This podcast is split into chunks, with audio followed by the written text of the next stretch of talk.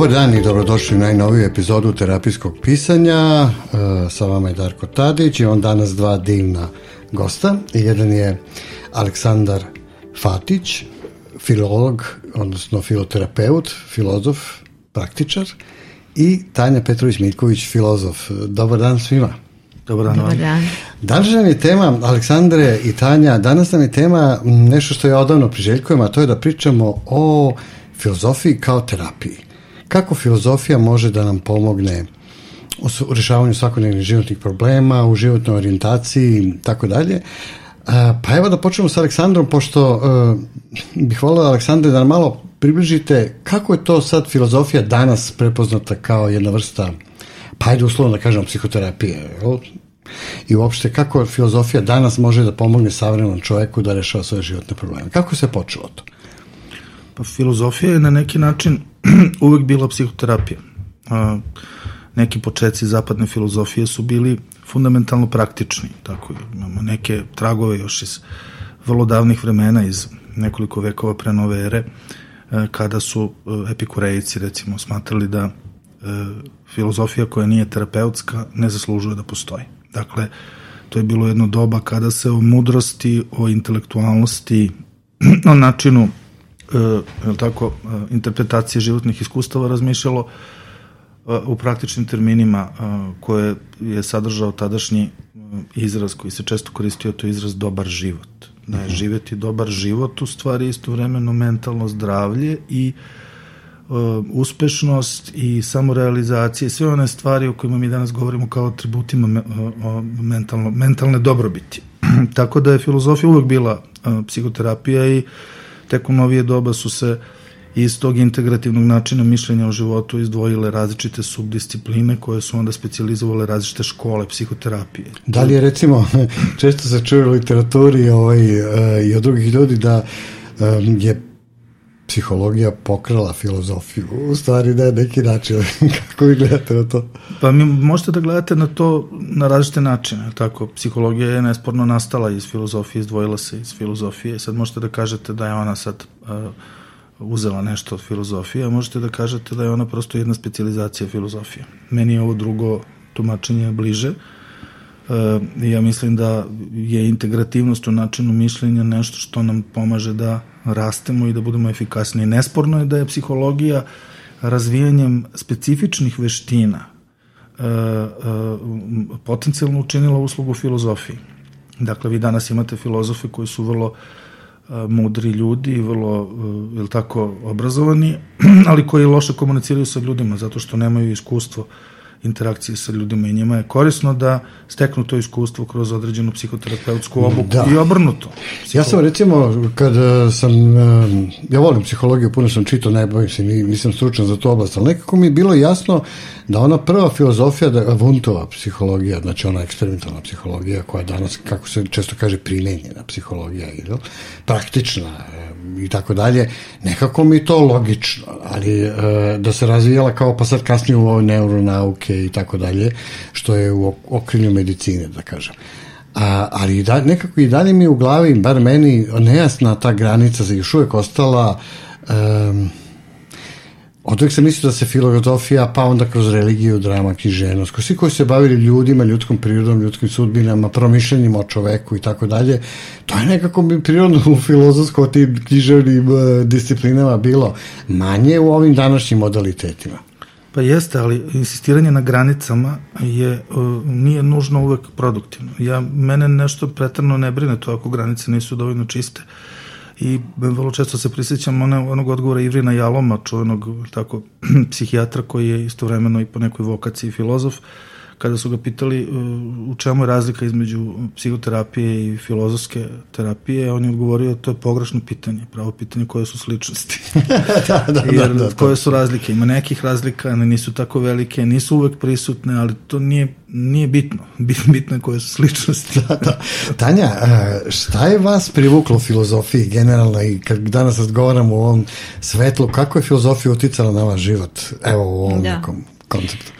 Pa znate šta, ja sam ovaj, dete koje je raslo u komunizmu gde mi nešto nismo imali pretjerano puno uh, odgovora na pitanja koje ja mislim da muče svakog mladog čoveka, ko sam ja, koja je moja svrha, gde ja idem. Ovaj, svet me onako čudio. Nisam bila dete koje se mirilo sa nekim odgovorima, to je tako i ne može drugačije. Ja sam želela bila sam radoznala i nekako mi je filozofija uh, delovala kao nauka koja može da tu moju radoznalost ovaj, nekako zadovolji, a onda sam shvatila kad sam upisala filozofiju i kada sam ovaj, počela da studiram, da se bavim, shvatila sam da sam još zbunjenija i da to, to ovaj, traganje za odgovorima ću će biti do kraja mog života i zaista do kraja mog života, evo koliko imam godine i dalje tragam, ali mi je mnogo drago što sam na tom putu. Kad se ovako osvrnete sad unazad, e, imate li osjećaj da vam je filozofija pomogla da prebrodite mnogi teškoće? Jo, da, da. Uh, moram da priznam ovaj, uh, sve neke životne prekretnice koje su bile ovaj, burne, neprijatne, um, prosto ovaj, bilo mi je jako, jako ovaj, korisno um, da zarunim u to filozofsko znanje, uh, da prepoznam problem, da ga definišem, da je ona metoda da pustim emocije, vrlo je važno da pustite emocije da vas vode, ovaj, iako je tuga, da joj se prepustite i onda ovaj, da odredite prava svog delovanja. Vrlo je važno da a, ta, ta tuga, ta pasiva, ta inertnost ne traju dugo. Prosto ustanete, nastavite ja mislim da je taj aktivizam nešto što je odgovor, naravno ne u bilo kom smeru, Saša, da ako mi moramo da imamo jasno postavljene ciljeve i da znamo gde idemo i šta je svrha našeg života. Da, to je, ovaj, evo za Sašu sad pitanje ako možemo se nadovežemo, e, kad e, ljudi govore o filozofiji, a čini mi se danas da se filozofija kao i mnoge druge duhovne discipline proteruju iz e, ovog sveta, smanjuju se časovi u školama, sve znamo, da pratimo to, ali generalno, u ovom materialističkom svetu se nekako posporno ljudi šta ti tu sad nešto filozofiraš, tu uvukla, uvukla se ta ta sintagma, ta, ta ideja, ta rečenica, um, e, vlada mišljenje da filozofija rezervisana tako eto za neke čudne pojedince koji sedi nešto misle i ne rade ništa. Ovaj, e, a onda si onda, on, on, onda smo se m, pomenuli tu reč praktična filozofija šta to zapravo znači praktična filozofija je uloga filozofije u životu dakle filozofija nije E, nepopularna, nije elitistička disciplina. Filozofijom se mi svi bavimo, znali to ili ne. Dakle, kada imamo moralnu dilemu, a svi imamo moralne dileme, kada imamo nepodnošljivo životno iskustvo koje ne možemo da metabolišemo, pa dođemo na terapiju, e, a većina ljudi ima takva iskustva, mi se bavimo filozofijom. E, kada idemo kod psihijatra, mi se takođe bavimo filozofijom i psihijatar se bavi filozofijom. I sve veći broj psihijatara je toga i svestan. Tako. Dakle, filozofija je vrednostna struktura našeg mišljenja o životu, svakog čovjeka. I svako ko filozofiju pokušava da pretvori u nekakvu elitnu disciplinu izvođenjem tehničkih argumenta koji su nerazumljivi običnom čoveku, u suštini se ne bavi pravom filozofijom. To je neka vrsta propedevtike, ili tako, za uh, razvijenje novih primena filozofije. Tako da ja ne vidim da postoji filozofija koja nije praktična. Čak i logika koja je bauk za mnogi ljude, e, u stvari vrlo praktična disciplina. Evo mi u modalnoj integrativnoj psihoterapiji koju radimo na temelju filozofske prakse se upravo bavimo pre svega modalnom logikom i ljudi kad priđu modalnoj logici, na primjer kao najsavremenijoj formi, najkomplikovanijoj formi logike, kada priđu na jedan normalan životni način, oni vide koliko ona uzbudljivo interesantna i koliko uopšte nije složena. Tako da filozofija je ži, deo života. Da, i to je meni od uvek, ja recimo kad sam se bavio i dok se bavim pisanjem i dan danas, Uh, uvijek se setim da kroz recimo dramu i književnost počeš od Grka, ali i ranije da govorim, da sad ne idemo mnogo, ali da kažem ajde ovo što je nama poznato kao zapadni koncept. Uh, kroz dramu moj profesor Slobodan Serlić jednom rekao uh, sa grčkom dramom završe sve velike teme životne htio da metaforički kaže kako je zapravo ili grčka drama obuhvatila sve te najvažnije ključne životne teme. I stvarno kad čovjek pomisli dakle e, mnogi pisci kroz istoriju su se zaista otvarali nam oči bavili su se mnogim pitanjima Dostojevski, evo recimo uzmem samo njega od, od ovih recimo relativno skorih. Oni prosto e, čovjek kroz čitanje knjiga kroz čitanje e, filozofskih dela, kroz e, promišljanje onome što je pročitao, zapravo stiče neku životnu orijentaciju, uči neke stvari u životu, može da ih proveri u praksi, vidi kroz sudbine svoje i tuđe kako to izgleda, to recimo eto u, dra, u drami književnosti možemo da vidimo na licu mesta. Razvije empatiju. Koji... Razvije empatiju, poredi, vidi, e, ono, jedan čovjek, da, kako ni, ona čuvena stara izreka, čovjek koji čita živi hiljadu života, onaj koji čita, ne čita živi samo jedan, jel? E, Da li filozofija, danas ova filoterapija e, Aleksandra može da e, pomogne stvarno onom, i na koji način zapravo kad vama dođe klijent pa ima neki životni problem, kako se tu ide ceo taj koncept, proces? Pa svaka psihoterapija je filoterapija. Filoterapija je u stvari integracija psihoterapije. I ona je zasnovana na uh, generičkim uh, filozofskim idejama o vrednostima. Tako, tako da kad većina ljudi koji dolaze, e, e, čuveni psihijatar e, Scott Peck koji je pisao onu knjigu Put kojim se ređe ide, za koju se malo zna da su to u stvari četiri različite knjige pod istim naslovom koje on objavio, je jednom rekao da je najjednostavniji odgovor na to zašto neko dolazi na terapiju, taj da je taj neko zaglavljen. Kaže, vi ste kandidat za psihoterapiju onda kada ste zaglavljeni u životu. Ne onda kad ste bolesni, kad ste psihotični, kad ste, to su sve delovi zaglavljenosti. Mi svi možemo da budemo psihotični. E sad, zašto je čovjek zaglavljen? Pa zaglavljen je zato što nema orijentaciju. Tako, zato što nema uvid, zato što nema a, a, dinamički potencijal, a, tako, sposobnost, energiju da se negde pomeri. Kad pogledate kako je to rešavano a, u antičko vreme, kako izgledala grčka tragedija, pa to je bio jedan događaj koji je nekad traju danima tako, tako, je, tako je. gde se proživljavao na, na pozornici ceo jedan život, ljudi su dolazili, odlazili, išli da jedu, da spavaju, vraćali se, gled, učestvovali to, i rezultat toga je primarno bio katarktički. Tako, tako. je, ta katarza kao pojem da, je, da, da. da. I on je pomagao da se ljudi odglave. Danas nemamo više grčku tragediju, imamo psihoterapiju. I šta se dešava u psihoterapiji i u filoterapiji? Dešava se primarno jedan specifični katarktički odnos između e, terapeuta i sagovornika i klijenta. Dakle, mi uspostavljamo jedan ljubavni odnos u smislu agape sa čovekom i čovek koji ima psihoterapiju ili filoterapiju ili filozofiju, kako god hoćete kao terapijske elemente u svom životu, on ima pristup resursima koje drugi ljudi nemaju. Zamislite da imate problem, izgubili ste nešto važno u životu. I sad imate psihoterapeuta ili filoterapeuta na koga možete uvek da računate i koji je za vas, koji vam daje neku vrstu super moći, kroz, kroz način na koji vi uspostavljate re, relacije sa njim. Vi više niste nikad usamljeni, vi imate njega ili nju. Vi više ne morate sami o svemu da odlučujete, uvek imate nekoga s kim možete o tome da razgovarate. Tako je, neko s kim, nekoga s kim možemo da razjasnimo zapravo, je li tako? Na, tako. na, na naše uh, dileme, probleme, uh, nedoumice, tako da. Ovo što ste jako lepo rekli, to mi se dopada. Ja se sećam dok sam radio uh, svoj doktorat, a vezan bio za propagandni film, našao sam podatak u ono vreme u američkoj vojsci je postojalo nešto, i kod nas je to postojalo, koji se, uh, taj psihološki koncept ratovanja, odnosno dobrobiti pripadnika te, recimo, organizacije, a zvao se moral i orijentacija. Da. Kako to odlično pogleda. To je nestalo. To je sad postalo, ne znam, psihološko ratovanje, ovo, ono, levo, desno. Ali moral i orijentacija, znači, to je tačno to, upravo što smo rekli, jel? Pa to je suština samog pojma psihičke normalnosti, a to je strukturisanost.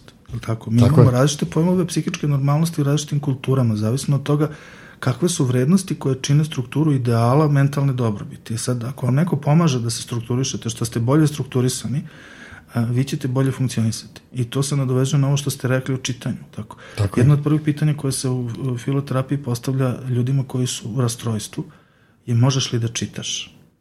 Ako možeš da pročitaš knjigu, ti si odlično strukturisan. to je već dobar indikator. Da, Ako da. nemaš koncentracije da pročitaš knjigu, to govori, to je neki deo dijagnostičkog procesa, je tako? Tako je. Tako da ta struktura vrednosti, struktura usmerenje e, je, je ključno. E, Šta se kaže e, ljudima koji su tako, u razorenom načinu života, koji, koji traže pomoć? Pa jedna od prvih uputstava je jel ti sređena soba? Tako je, sredi tako sobu je. i vi pogledate banalna stvar, to zvuči krajnje banalno, ako vidite čoveka koji je na granici psihoze i vi mu kažete, ja sam to vidio ne znam koliko puta, i vi mu kažete, hajde počne sada do sledeće sesije, pokušaj da ti soba bude uredna. Ne mora stan, ne mora kuhinja, ne mora, samo tvoja soba. I vi vidite čoveka koji počne da se diže. Tako je, tako je. Ja to iskustvo imam kod ljudi koji dolaze da pišu. E, Kao, pisanje kao samoterapijski proces, odnosno e, lični rad, je, rast i razvoj, e, šokiraju se, upravo to, pisanje im daje strukturu. Znači, oni u momentu kad sednu da pišu, oni moraju se fokusirati na to, jel? Ne mogu da... I onda kako pišu, bilo koju vežbu da im date, čak obični dnevnik da vodi taj, ja terapijski dnevnik, znači šta misle tog dana, o čemu razmišljaju i tako dalje, ili problem koji imaju, prvo osjećanje koje dobije je olakšanje. Prvo što izbaci te emocije napolje, drugo što imaju strukturu neku. Znači, I onda kad pogledaju šta su napisali, šlogiraju se jer vide kako sad to, kad je strukturisano, potpuno drugačije zvuči. Tanja, jel pišete vi dnevnik? Ne, ali sam ga pisala. pisala sam ga ovaj, dugo, uh, kad sam bila mlađa i onda sam imala neprijatnost da mi je neko uzeo dnevnik i uh, čitao je to što sam ja pisala, tada ga ne pišem.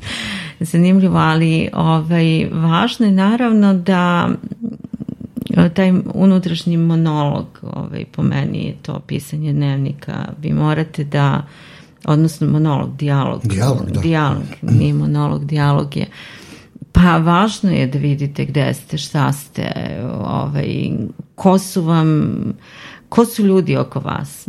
Ja sam, evo, sa godinama shvatila da je jako važno uh, kakvo je moje okruženje, ko su ljudi koji sa mnom dele moju svakodnevnicu.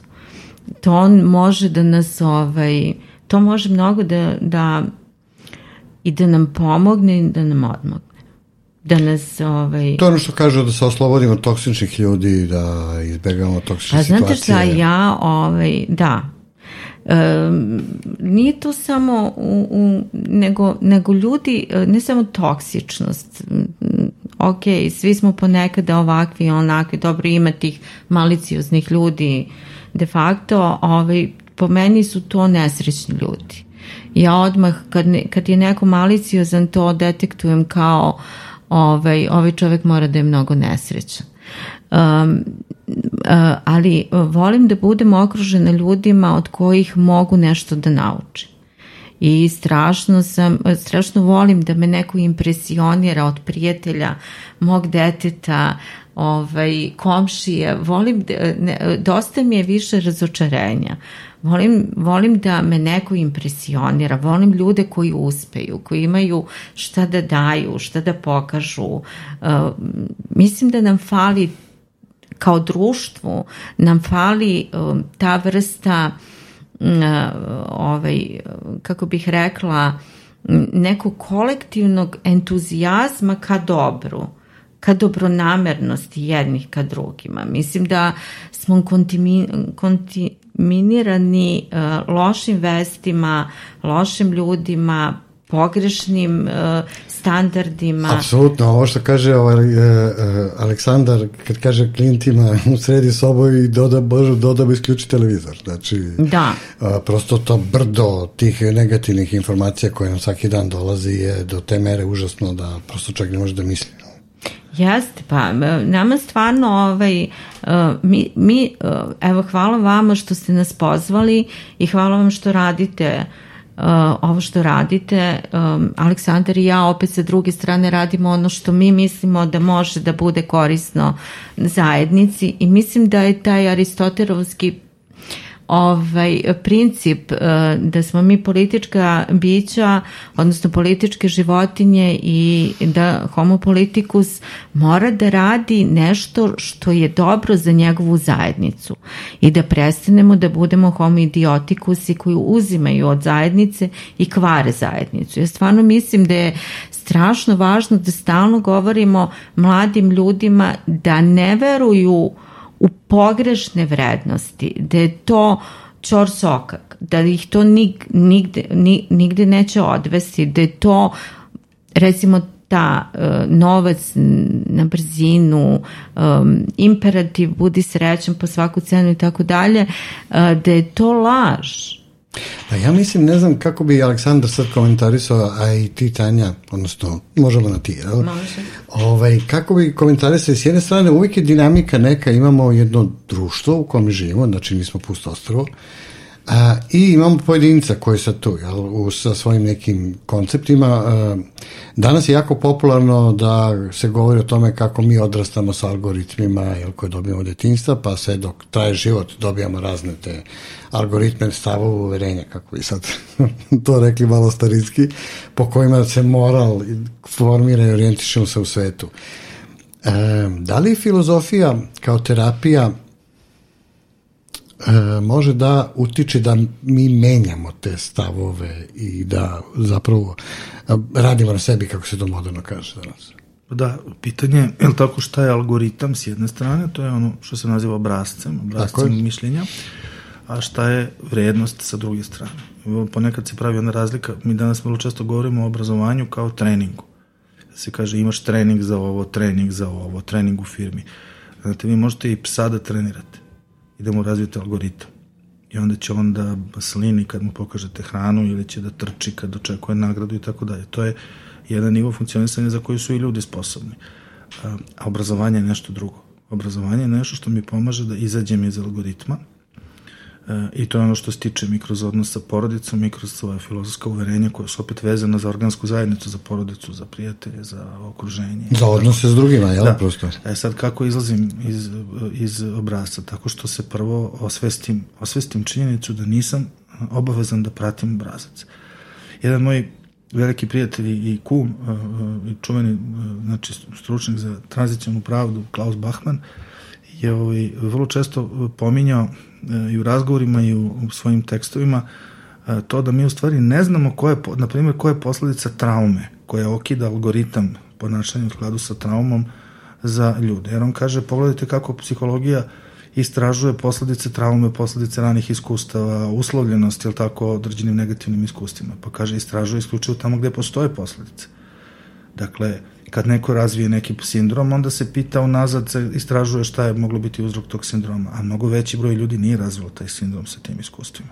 Postoje ljudi koji su zlostavljani u mladom uzrastu, koji su razvili rezilijentnosti, koji nemaju koji nisu, nisu to interpretirali uh, i nisu to, tome dali značenje traume. Da, što se to, uh, mi ne bavimo njima, na primjer. Da, ali, ali oni nisu uhvatljivi, oni aha, su funkcionalni a nama dolaze oni koji, ljudi koji su imali problema, tako. I sad on kaže šta to znači? Da li to onda znači da mi u stvari ohrabrujemo algoritam, je tako, traumatizacije, a onda on smanjuje ličnu odgovornost.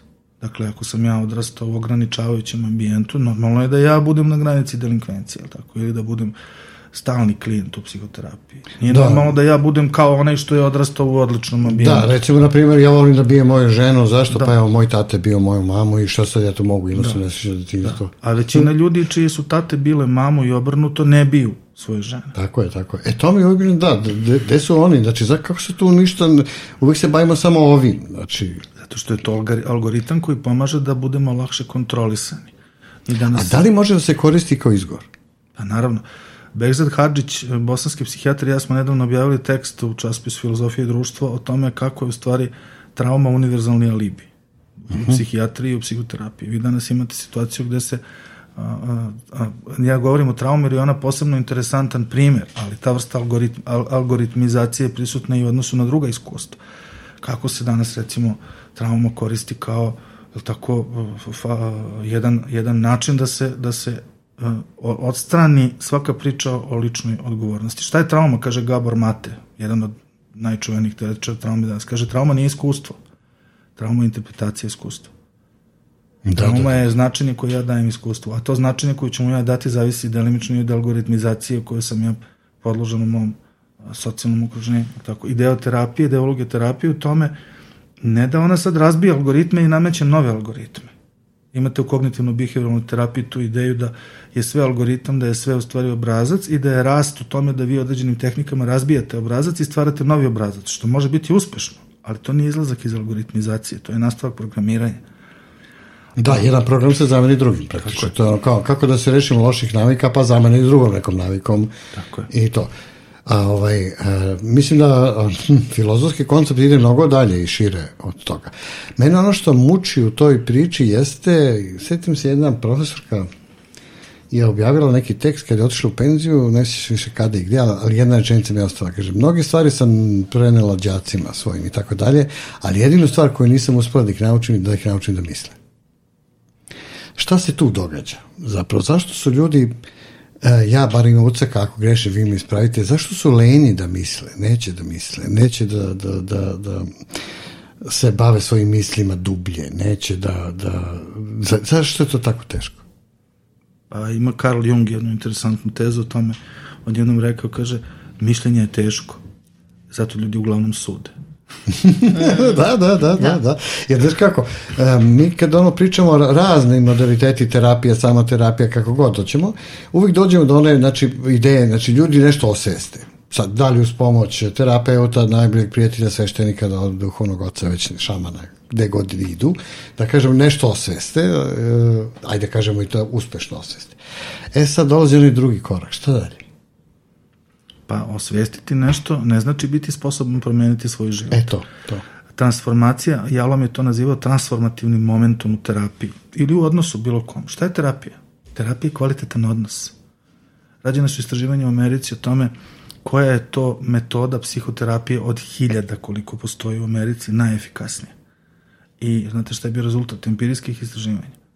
Da je uh, metoda, da li neko psihoterapeut, filoterapeut, psihijatar, psiholog, šta god, po provinijencije, kognitivno behavior, dinamički, kakav god, da to nema nikakvog uticaja na efikasnost terapije, da je jedini faktor, presudni faktor uticaja kvalitet odnosa sa terapeutom Ja i kvalitet ličnosti psihoterapeuta. Sećam se te studije gde su bili ovaj, stvarni oni psihoterapeuti s diplomama i uzeli su obične neke, recimo, profesore, ljude, ono, koji liče malo na psihoterapeute i da su čak ovi drugi imali bolje rezultate, a? Da. To je ta, da. bilo neki meta studije na tu Da. temu. Ali šta je suština tu, Da, kaže odnos, Jalom, da, da, ključ, suština je da. u tome da je odnos transformativan.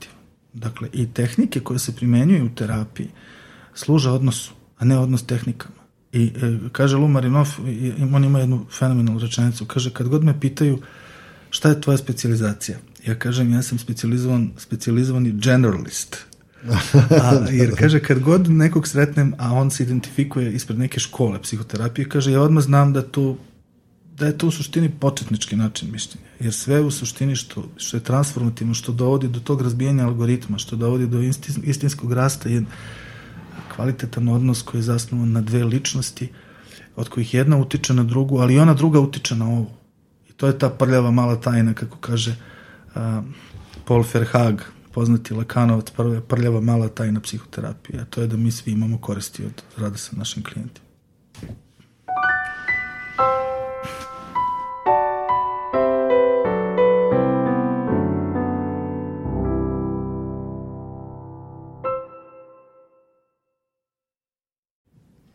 Tanja, a filozofski ogledi? Da. Ove, filozofski ogledi, to je moje drugo dete.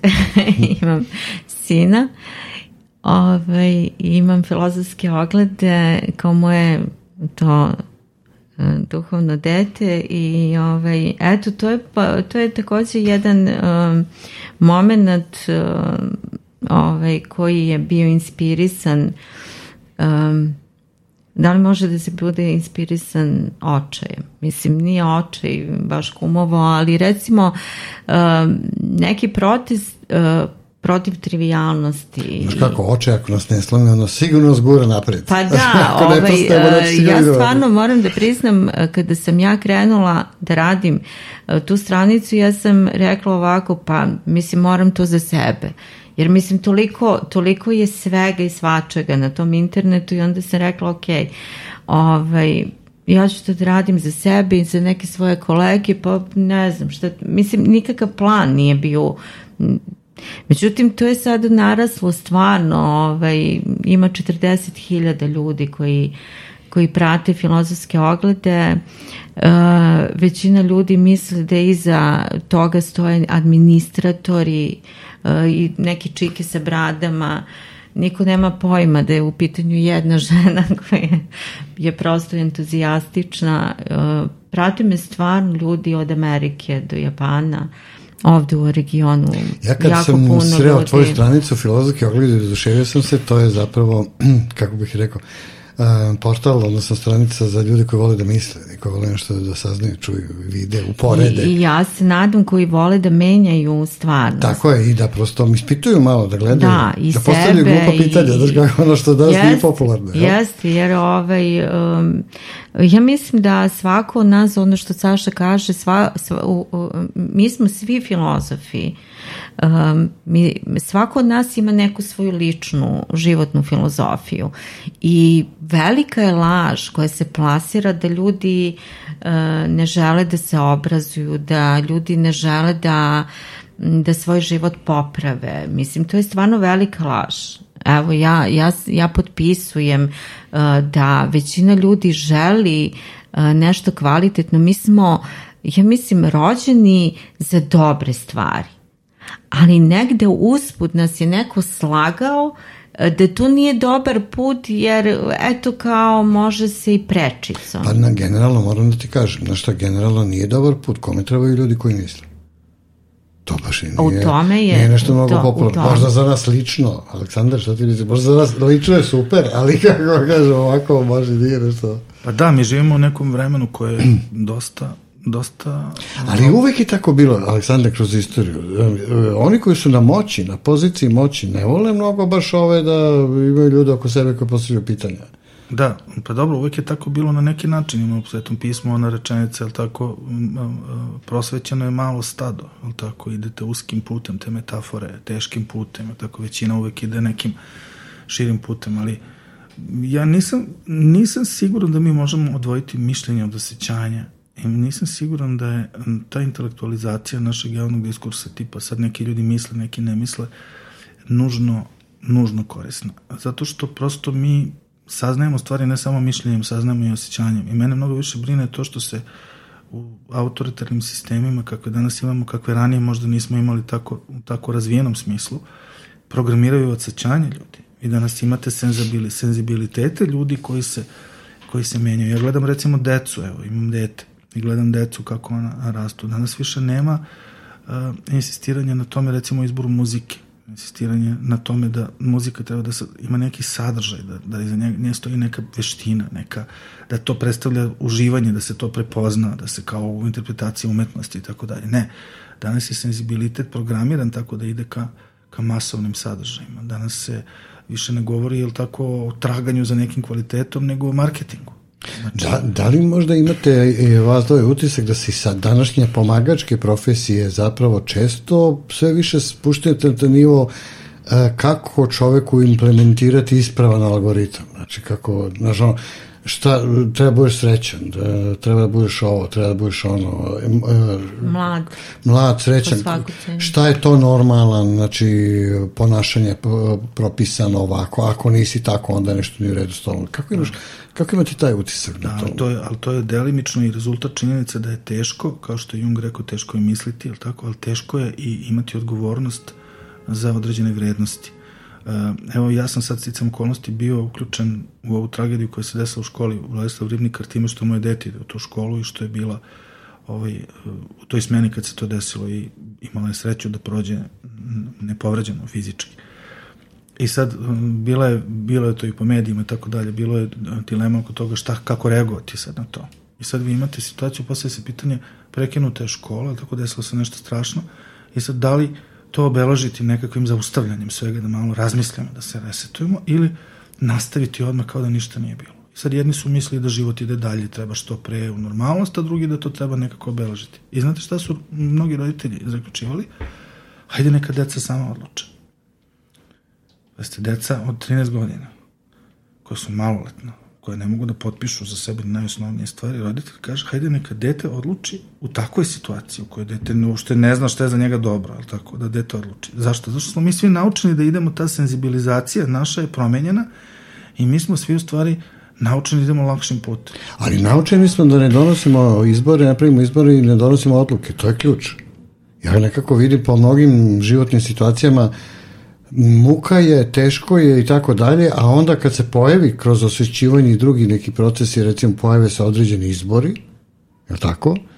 Onda oni ljudi odustaju, ne mogu da donesu odluku i da stanu iza njih. Naprimjer, najgluplji primjer je ono, uh, imaš klijenta koga bije, ne, ne znam, muž i svaki dan i užas i teror i mi to dobro i da i sad dobro i ne možeš možda direktno da kažeš dobro stavi budalu, ali mislim za nije logičan način beži glavom bez obzira odatle. Ne. Ljudi ne mogu da donesu čak ni onda odluke kada im je život ugrožen. Da, ali evo, pogledajte recimo primjer kako se to um, dešava u terapeutskom odnosu. Vi danas imate veliki broj, stvari nisu jednostavne, imate veliki broj ljudi koji trpe nasilje u porodici. Dobro. Pa ne samo žene, muškaraca sve više. Dakle, nisu, mi smo tradicionalno disponirani da posebno obraćamo pažnju na nasilje prema ženama zato što je ono posebno odvratno, je tako? Zato što neko ko maltretira ženu, prema deci. to je posebno da, odvratno. Da. Ali sve više sa gubljenjem tih, tih rodnih razlika, sve više i ponašanja žena koje, koje, koje je isto kao ponašanje muškarca. E sad šta se dešava? E, imate jedan trend, jednu kulturu u psihoterapiji. Kod mene često dođu ljudi koji su bili na mnogim psihoterapijama i njima je rečeno ti imaš pravo na svoj život, beži od njega ili od nje, sklanjaj se i tako dalje. Onda čovjek kaže, dobro, u redu, ona, ona ima neki poremeć ili on ima neki poremeć, nasilni su, problematični su, ali ja imam decu. E, ja znam da bi trebao da bežim, da se sklonim, ali imam etičke dileme. Kakve etičke dileme prvo misliš o sebi? Onda oni dođu i kažu, da, stvar nije tako jednostavna. I sad šta je za vas izbor? Za vas je izbor ili da uskočite uh, kako kažu neki psihoterapeuti, da uskočite duboko u vodu sa tim čovekom i da se držite, to je ta metafora koja se često koristi, da se držite kanapom za obalu i da plivate do njega da ga dovučete. Ili da se držite stereotipa. A šta znači da uskočite u vodu? Pa znači da razgovarate i sa njim i sa njihovim, njihovim partnerom. Da se vi lično tu angažujete. Ima Jalom knjigu koja, koja je naslovljena ležanje na kauču, gde on opisuje kako je ulazio u odnose sa svojim klijentima mimo terapijske sobe. Ja znam recimo čuvene terapeute koji u takvim slučajima pozovu ono koji zlostavlja i s njim razviju dobar odnos i rade sa njegovim bolom, a onda mu kažu u jednom trenutku, recimo u tim slučajima je bio muškarac u pitanju, kažu mu, gledaj, ako nastaviš da se ponašaš grubo prema ženi, neću više hteti s tom da radim. I čovjek prestane. Jer je razvio odnos prema ovome i gubitak mu je da izgubi terapiju. Tako da mi prosto smo kao terapeuti stalno u dubokoj vodi i držanje iz uh, one profesionalne pozicije, ono tipa ja ću da ti dam opšte mesta, ajde ti njega ostavi, ti nju ostavi, izađi, redko pomaže. Jer vi onda imate ljude koji to urade, pa onda upadnu još dublju životnu krizu. Tako da su, vrednosti su uvek lične i čovjek se vezuje za terapeuta kao pojedinca. Ja imam prijatelja koji je iguman jednog velikog manastira u Šumadi uh, i on ima jednu metaforu koju često koristi za svoj duhovnički rad. On kaže, mora da se zna, znaš, kaže, kad raste mlada biljka, kad se posadi drvo, onda se uzme pritka i to drvo se veže za tu pritku da bi raslo ravno. Sad, uh, i pritka i drvo su negde, oni sarađuju, ali mora se zna ko je pritka, a ko je drvo. Jer ako pritka, kao duhovnik, kao roditelj, kao terapeut, se povija za drvetom, onda će i pritka i drvo da završe negde gde će drvo umreti na kraju. Dakle, mora postoji odnos terapeuta prema situaciji u kojoj terapeut preuzima ličnu odgovornost. A ako se mi držimo profesionalne uloge i dajemo savete kao da pripisujemo recepte i prepuštamo svu odgovornost našim klijentima, onda te teške situacije redko mogu da se reše. I zato Lakanovci, recimo, savremeni kažu profesionalna psihoterapija je osuđena na neuspeh. Svaki psihoterapeutski odnos je u stvari poziv, a ne profesija on podrazumeva preuzimanje ličnog rizika. Ali ne, nije to, mislim, to malo zvuči kao jeres, pošto ovi moderni psihoterapeuti neće da preuzimaju tu vrstu odgovornosti, kako se ja razumeo. Mislim, um, ta vrsta angažmana možda i za te maske profesionalnosti se zapravo želja da ja zapravo, meni je lakše da ja tebi prepišem tamo, vidi ovaka, ovaka stvar, situacija je takva, ti treba to da uradiš. Je tako, odnosno, očekuje se da to uradiš i tu moja odgovornost prestaje, nema to šta. Pa, terapeut ne bi trebalo da daje instrukcije tipa ti treba da uradiš to ili to. Dobro. To je ona čuvana fraza koja se često kaže, psihoterapeutski savjetnik ne daje savjete. Dakle, e, mi uspostavljamo odnos kroz koji se dešava transformacija, ali ne govorimo u radi ovo ili radi ono. Mi danas imate vrlo često u psihoterapiji situacije gde neko kaže nekome razvedi se. To je skandalozno. Znači, vi ne možete da nastupate na taj način. Ali možete da uđete u odnos sa čovjekom. Evo pogledajte konkretno pitanje. Da li je terapija 50 minuta ili sat ili sat i po vremena provedena sa čovjekom ili je terapija i ono što se dešava između vas i vašeg klijenta između sesija. Uh, Jalom je ponovo tome pisao. Njemu je, uh, ima na jedno mesto kada kaže, bila je Thanksgiving večera i kaže, meni je moja supruga rekla, uh, zakasnio si i na Thanksgiving večeru, tebi u stvari porodica nije važna, ti imaš svoje klijente. A on kaže, ja sam ju rekao, draga, kako je moguće da tako nešto možeš da misliš, a u sebi sam pomislio koliko si u pravu. dakle, mi živimo sa svojim klijentima.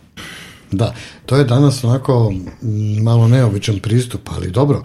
E, filozofija sama po sebi, e, ova praktična filozofija, pa i kroz filozofske oglede, e, Tanja, da li imaš utisak da ljudi koji dolaze na portal čitaju, razmenjuju poruke, koliko njima to pomaže zapravo? Da oni lično osjećaju neku dobrobit i da zadovoljstvo? A znate šta, ovaj, ljudi vole, vole da vole da diskutuju na stranici, bude vrlo često nekih rasprava, ovaj, vole da budu u pravu. Ali ja bih se malo vratila ovaj, na onu priču iz Ribnikara i kako su roditelji de, rekli neka deca odluče. Ja mislim da je to uh, najveći, šta, šta je tu po meni jako problematično, to skidanje odgovornosti. Nije, mislim da je odgovornost čarobna reč za rešenje mnogih uh, problema. Uh, mislim da je eto, odgovornost svakog od nas um, dokaz ukoliko imamo odgovornost prema sebi i prema drugima, da je to dokaz neke naše zrelosti. Ako, kako kaže Aleksandar, da li uopšte ima zrelih i zdravih ljudi, ali pod pretpostavkom da ih ima. Znači, ako ne postoji odgovornost, onda ćemo mi da, da damo loše primere i svoje deci. Definitivno, znači odgovornost je u ljudskom životu na svim nivoima, jel? Da, apsolutno, ali nje sve manje ima. To je problem. Pa, što vi da, imate da. jako malo ovaj, odgovornih ljudi, većina ljudi voli da kritikuje i da traži krivce za svoje neuspehe. Pa ima onaj čuveni eksperiment u psihologiji, ne znam, Aleksandar, da se sećaš. Ono, od deset ljudi, u grupi od deset ljudi, osam će da delegira na onu dvojicu su odgovornost. To je nešto izgleda u ljudskoj prirodi, postoji. Zašto mi tako izbjegamo? Odgovornost, od, počeš od najbanalnijih stvari, znaš ono, gde ćemo večeras u, u, da, u koji restoran da idemo, pa ti odluči, ne znam ja, ovo ono, pa do krupnih stvari u životu. Da, ali uh, jedan način da se na to gleda je recimo uh, mogućnost da mi ne, ne umemo da donosimo odluke. Uh, postoji jedan čuveni coach, svetski poznat coach Tony Robbins, Anthony Robbins, uh, koji ovaj, najveći deo svog rada sa, sa ljudima fokusira na donošenje odluka. I on ima tehnike donošenja odluka. I kaže, da bi donosio odluke, moraš da vežbaš odluke, kao i bilo što drugo. A mi ne vežbamo donošenje odluka, kao što Tanja kaže, mi smo u situaciji koja nas obeshrabruje da donosimo odluke. Od onih minimalnih odluka dnevnih, do velikih odluka. I onda kada dođe do značajnih odluka kao što je to da li da se dete vrati u školu posle ubistva ili ne, mi, ne, mi nemamo veštine da donosimo odluku, osim da budemo fini roditelji, da ne naljutimo dete i kažemo aj ti odluči. A zašto ljudi imaju tu, to nešto što je ugrađeno ljudsku prirodu da mi izbjegamo donošenje odluka. Kada sam si rekao, znači od toga da ujutru ustanem i namestim u sobu, donesem odluku, sad ću to svaki dan da radim, pa da izaberem restoran da idem ili ne znam, izbor, ne, bilo šta, znači očigledno je tu neki problem, neka, neki kvrc postoji da ljudi to maksimalno izbjegavaju, znači A to je zakon inercije, je li tako? Najlakše je ne to neki odluke. komfor, što ja neću da nemam odgovornost, onda ne donosim odgovornost, onda mi je dobro, neće niko da me kinji i ginjavi ako se nešto pogrešno donao odluku. Evo ja, mogu i ja nešto da kažem, ovaj, to mene podsjeća na one, onu prvu scenu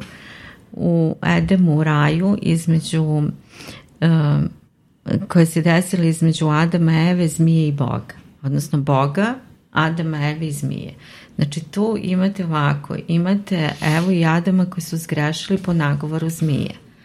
Imate Boga koji, uh, koji gleda sve to i traži samo jednu stvar od onih koji su zgrešili, pokajanje. Međutim, imate i Adama i Evu koji upiru jedan na drugog prez, nisam ja, Eva me nagovorila.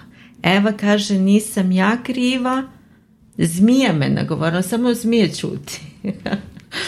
znači, vi već tu sa prvim ljudima uh, imate uh, imate tu situaciju da ne žele odgovornost. Tako za sebe, da. da. Ne žele, I time, da. I time gube raj. Pazite, oni gube raj. Da, ali nama je indukovano, tako pravo ste potpuno, nama je indukovano čak i griža savesti kad donosimo odluke. Da, da. Nama je indukovano, mm. svaka odluka nosi mogućnost greške i nosi mogućnost nekih loših posledica, čak i ako nije greška, ako je bilo nepredvidivo da će doći do nekih loših, mogu dođu do loše, loše posledice. E, nama se kulturološki indikuje da bolje da ne donosiš odluke, zato što ako budeš donosio, bit ćeš, odluku, bit ćeš kriv. Da, pogotovo ako pogrešiš slučajno da. ili neku lošu odluku doneseš. I onda imate ljude koji su jedna morfna masa koji prosto gledaju, pazite, odnosno na sobstvenu decu, oni ne znaju šta da misle pitaju decu šta misle da je dobro za njih. Oni se i ne bave svojom decom što je najcrnije. Znači, kad pitaš bilo kog roditelja, recimo, on, on se žali, dete mi stalno igra neke igrice. Da, koje ga pitaš igri, to nema pojma. Ali zašto nema pojma? Zato što ako uzmete za nas detetu telefon da proverite koju igricu igra, vi možete da budete u nevolji. Zato što vi narušavate autonomiju deteta, zato što vi ste narcistički control freak i tako dalje. Znači, nije to tako samo individualno, nego to je pritisak sredine. Plus pritisak sredine, naravno. Znači, tako da to. Dobro, evo za kraj, e, da kako ljudi mogu da se kroz e, praktičnu filozofiju staraju o sebi? Koji bi bio ovako savet generalno, ako uopšte možda kažem neki savet, ali prosto je onako praktična ideja Ljudi treba da bi se starali o sebi da budu u organskoj zajednici. Ta organska zajednica može biti e, prijateljska, može biti susedska, može biti porodična, to je idealno porodica razorena, nažalost, a, može biti zajednica sa terapeutom. Znači, šta je, opet prljava mala tajna, kompletna terapija, a to je da je terapija a, jedan format u kome mi dobijamo organsku zajednicu koju inače nemamo a, i način da se čovjek stara o sebi je ako nema organsku zajednicu koja ga leči, da uspostavi kvalitetnu terapeutsku zajednicu. I svaki čovjek bi u savremenom društvu trebalo da ima takvu terapeutsku zajednicu koja je postala od antičkih vremena. Tako u antičke vremena postojale su takozvane škole. Ljudi su pripadali školama gde su uzajemljeni drugima pomagali. U novije vremena imali ste klubove kojima su se slični ljudi skupljali u organske zajednice i drugima pomagali. Danas imate terapeutsku zajednicu koja je zamena za to. I to je cela tajna. Dakle, uh, E, kada je, znate, kada je e, američki proizvođač e, leka Prozac, koji je najrasprostranjeniji antidepresiv na svetu, koji se danas, mislim da ga uzima nekoliko desetina miliona Amerikanaca kao lek za, takozvani lek za enhancement, za poboljšanje performansa. Kada je otišao u Kinu proizvođač Prozaka, da dobije dozvolu za distribuciju na kineskom tržištu, onda su mu kineske vlasti rekli nema problema, mi ćemo dati dozvolu, a ovde nećete imati neki biznis. Hmm. A oni su rekli kako nećemo ti biti, čemu vi pričate koliko je tržište. A oni su rekli ovde ljudi u principu razgovaraju sa porodicom kad, su, kad im je loše. I ispostavilo se da Prozak nema neki biznis a, u Aziji. A, mi smo to izgubili na zapadu, a, ali smo dobili terapiju, dobili smo i filoterapiju. Ja ne bih tu pravio razliku između psihoterapije. Znači, dobili smo razne terapije, kako neki vole da gorko uh, kažu nekada, dobili smo plaćene prijatelje, praktično.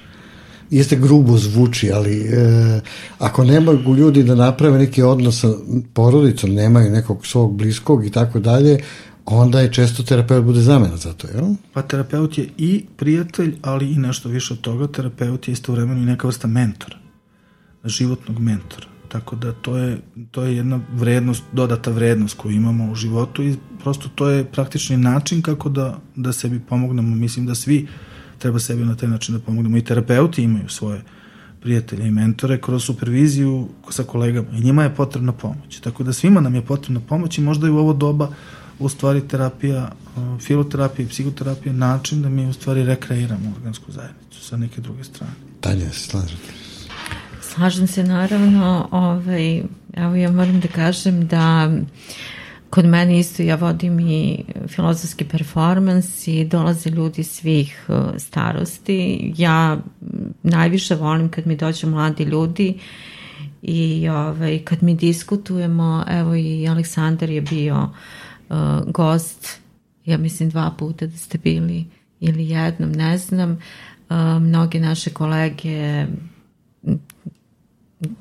Irina Fatić, Fatić, jo, što Deretić. sam rekla, Deretić.